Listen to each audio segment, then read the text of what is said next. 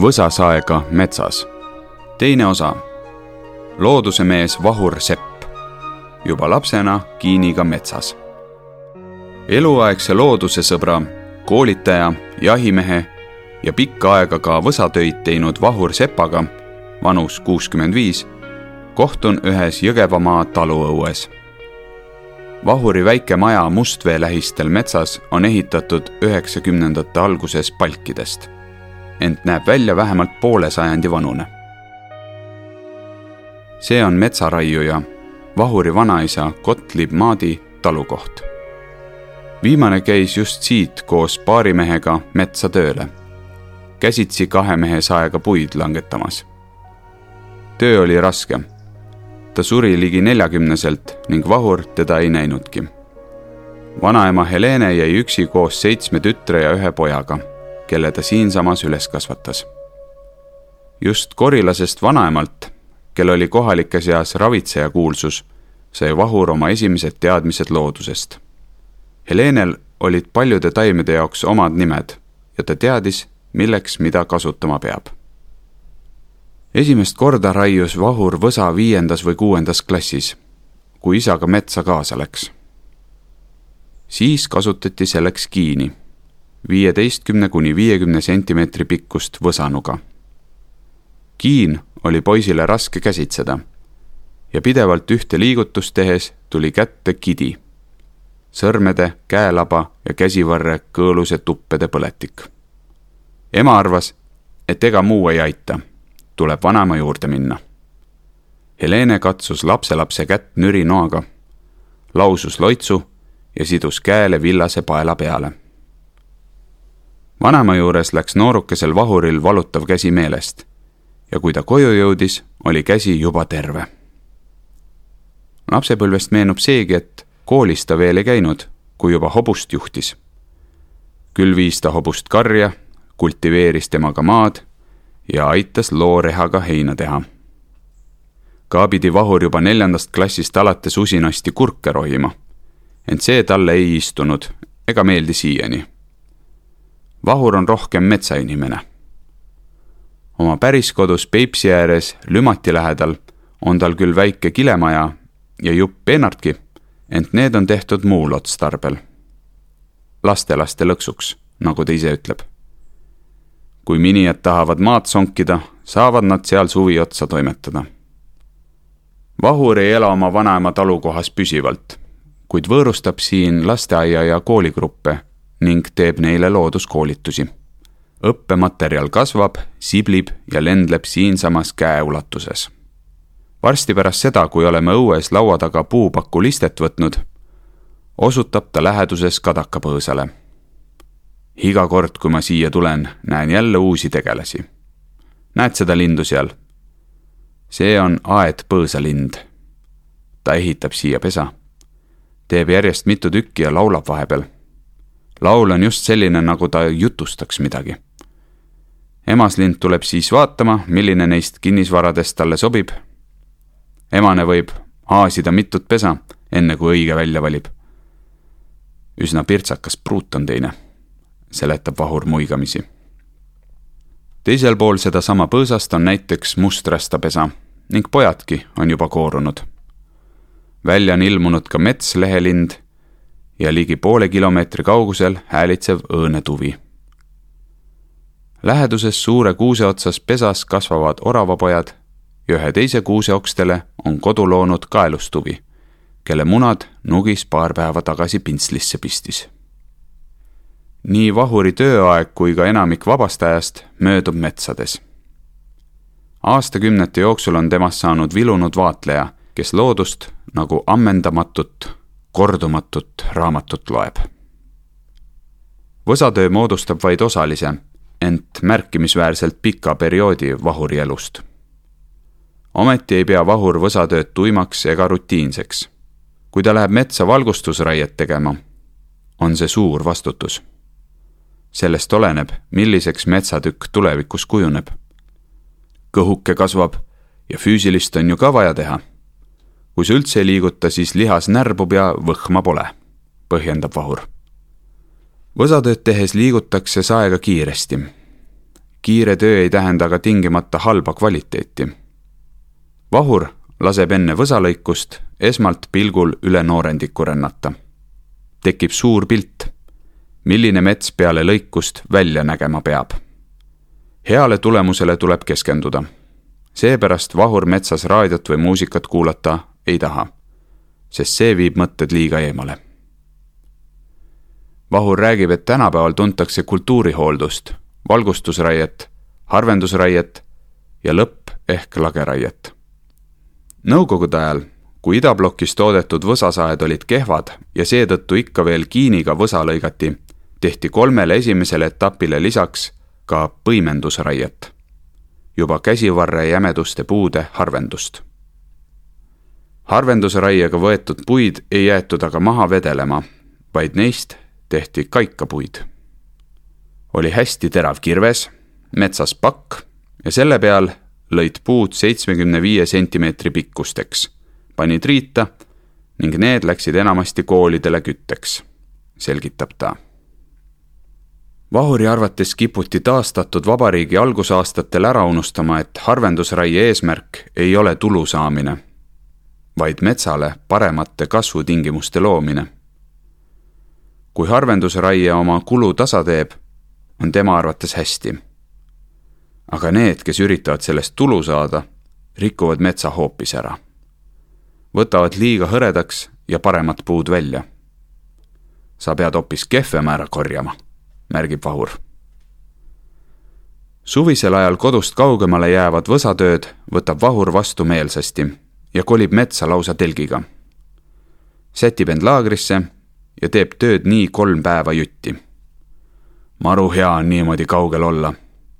ükski muu probleem ja tegevus ei häiri. kui keegi helistab, siis ütled, et praegu ei saa. kui tagasi tulen, hakkame toimetama, seletab Vahur. metsas ööbijaid on võsameeste hulgas siiski vähe. Vahur on töötanud erametsakeskuses metsanõustajana ja näinud oma silmaga, et võsatööd satub tegema ka inimesi, kes pole enne sellega kokku puutunud. hakkavad omapäi tegutsema ning rikuvad ilusa metsa ära. sa ei või autot juhtida, kui sul pole lube.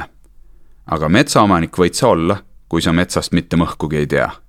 see, kes tahab võsa lõigata, peab tundma kõiki puuliike, ka pärna, jalakat, künnapuud ja nii edasi, räägib ta kui Vahur kümmekond aastat tagasi noori mehi tööle võttis, näitas ta neile viiteistkümmet puuvõrset, millest vähemalt tosinat pidi tundma. muidu jäi kaup katki või hakkas tulevane võsamees puid õppima.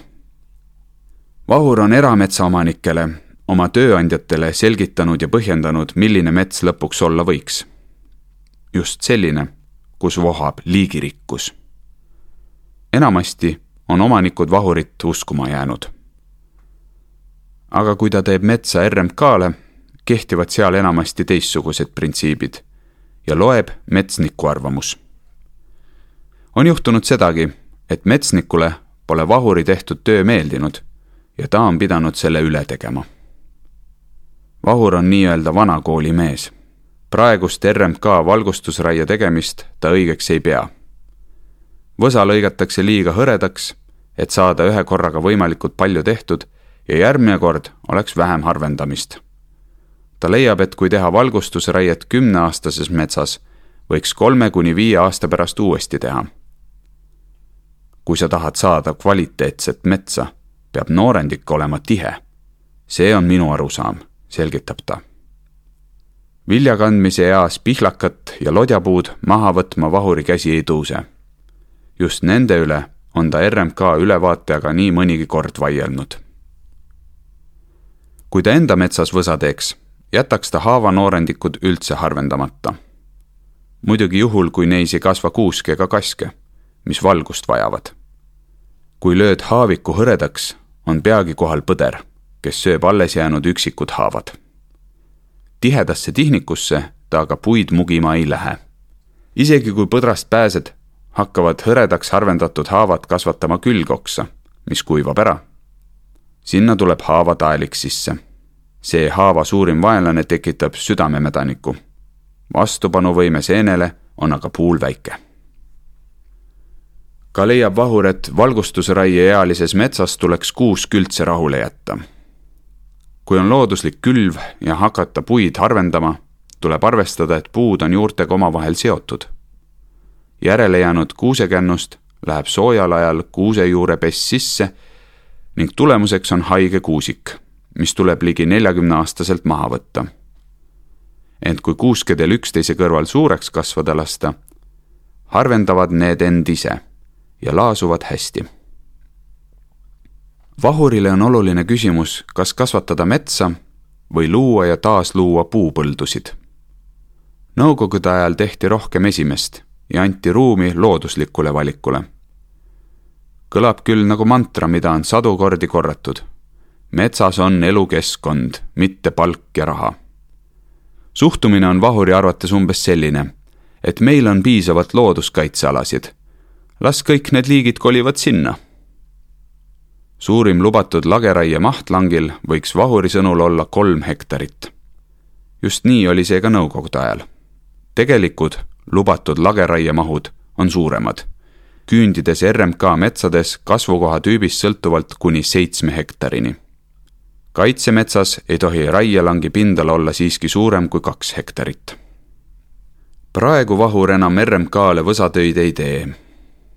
põhjus on muuhulgas selles, et siis peab tegema pakkumise korraga mõnekümnele hektarile ja nii suuri kohustusi ta endale võtta ei taha. seega töötabki ta vaid erametsas ja teeb seda teiste tööde kõrvalt, vahetevahel ta ei tegele alusmetsaraie ega lõppraie ehk lageraiega. see jätab kehva ja tühja tunde. sellise, et just mina keerasin siin jama kokku, ütleb Vahur. ta võib küll olla metsa hooldaja, kuid metsa mahavõtmine jäägu teiste südametunnistusele. ligi kümme aastat tagasi tegeles Vahur võsatöödega märksa enam. Pani kokku pundi oma poegadest ja nende sõpradest noortest, kes olid Luua metsanduskooli lõpetanud, aga ei tahtnud Soome tööle minna. kõige rohkem töötas Vahuri juures korraga kaheksa võsameest. pärast palgapäeva juhtus meestega ikka igasuguseid asju ja mõtlesin, et miks mul seda hingehoidja ametit tarvis on, muigab ta. Vahur tundis ka, et kui teha aasta läbi vaid võsatöid, kisub asi tüütuks. Kui tülpinud oled ja võsa vastu hakkab, siis tuleb tegeleda muude asjadega, arvab ta ja nii läkski. ligi kakskümmend aastat tagasi astus ta uuesti Luua metsanduskooli, et õppida loodusretke juhiks. koolis pidi Vahur, ise juba väärikas eas, ära tundma ja pähe õppima kuuskümmend puuliiki ladina keeles. kui ta objektil töötades saepaagi täis pani ja võsa lõikama hakkas, kordas ta iseendale. Ramnus katartika, ramnus katartika. tähendab türnpuu. järgmise paagitäiega võtsin uue. selgitab ta oma õppemeetodit. pärast kooli lõpetamist on Vahur hinnatud looduskoolitaja ja käib esinemas Eesti eri paigus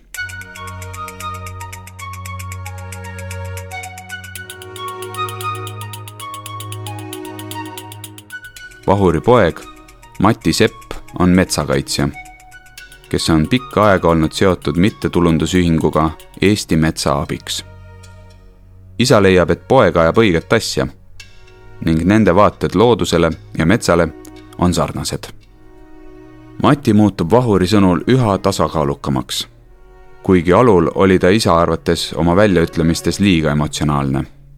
Ka Vahur on kindlalt seda meelt, et kogu Eesti pindala arvestades on raiemaht liiga suur seda, miks tohib nii palju raiuda, osatakse maru kenasti ära põhjendada. kui võtad mõne targa mehe kirjutatud artikli, loed läbi, siis jäädki uskuma, et tohib.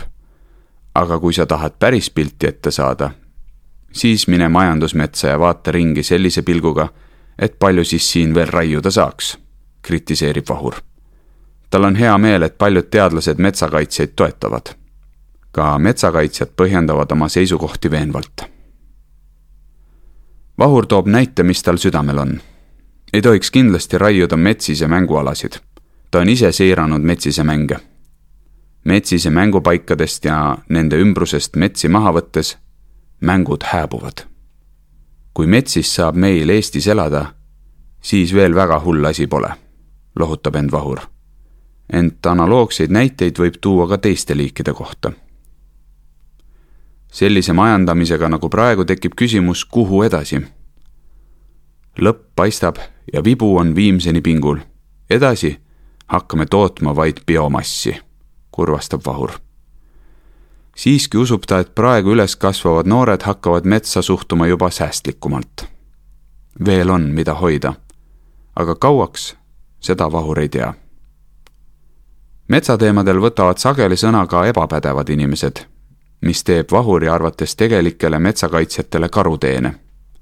metsast võõrandumise ja elukauge suhtumisega puutub Vahur kokku ka oma koolitustel. tuleb teha vahet, mis on park ja mis on mets lamapuit on vajalik ja seda peab metsas olema. metsas ei pea olema inimesel hea kõndida, aga pinnas peab siiski pärast raiet jääma korralik. Harvesterid peaksid väiksemad olema. Need, mida meie metsades kasutatakse, on mõeldud Põhjamaade kaljuse pinnase jaoks, rõhutab ta. Vahur on korra metsas näinud noorendiku lähedal poekiva emise pesa. siis tuli see kant kaheks nädalaks rahule jätta sest nii kaua on loom seal ja katsub sulle selgeks teha, et ära sa lähemale tule, nendib Vahur. Ükskord meeldis Sõõru metsas Vahuri saehääl noorele karule. ta ei kartnud mind ja näitas end mitu korda. hoidis viiskümmend meetrit vahet, mis minu jaoks on natuke liiga ligidal, tunnistab Vahur. karudega seoses meenub Vahurile, kuidas ta käis sigade Aafrika katku leviku kõrgajal eelmise kümnendi keskel ühel varahommikul noorendikku sisse märkimas. tuul tõi raipehaisu ninna ja varsti sattus ta kokku karuga, kes oli lähedusest leidnud kaksteist lõpnud metssiga. jahimeestel on kohustus need matta ja seda Vahur ka tegi. karu ehmatas kohtumise peale muidugi ära, mööratas ja põgenes. järgmisel hommikul, kui ma samasse kohta tagasi tööle tulin oli karu hulga käevarre jämedusi puid maha murdnud ja mulle sellega sõnumi jätnud. kui ma oma sae käima panin ja päevaga tubli tüki võsa maha võtsin, võis ta tagasi tulles mõelda, et siin tegutseb tõeline murdja. enam ma teda sel langil ei näinud.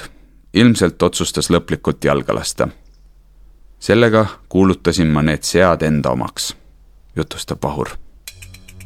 kas see nüüd päriselt karu loogika oli, seda Vahur ei kinnita kuid taolisi lugusid välja mõelda talle endale ajaviiteks lihtsalt meeldib.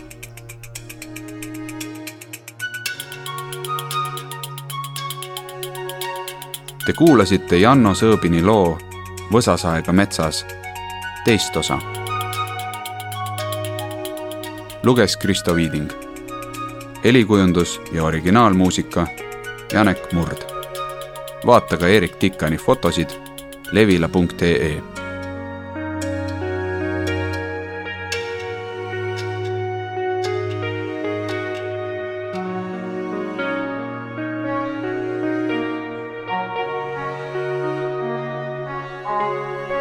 Levila kaks tuhat kakskümmend üks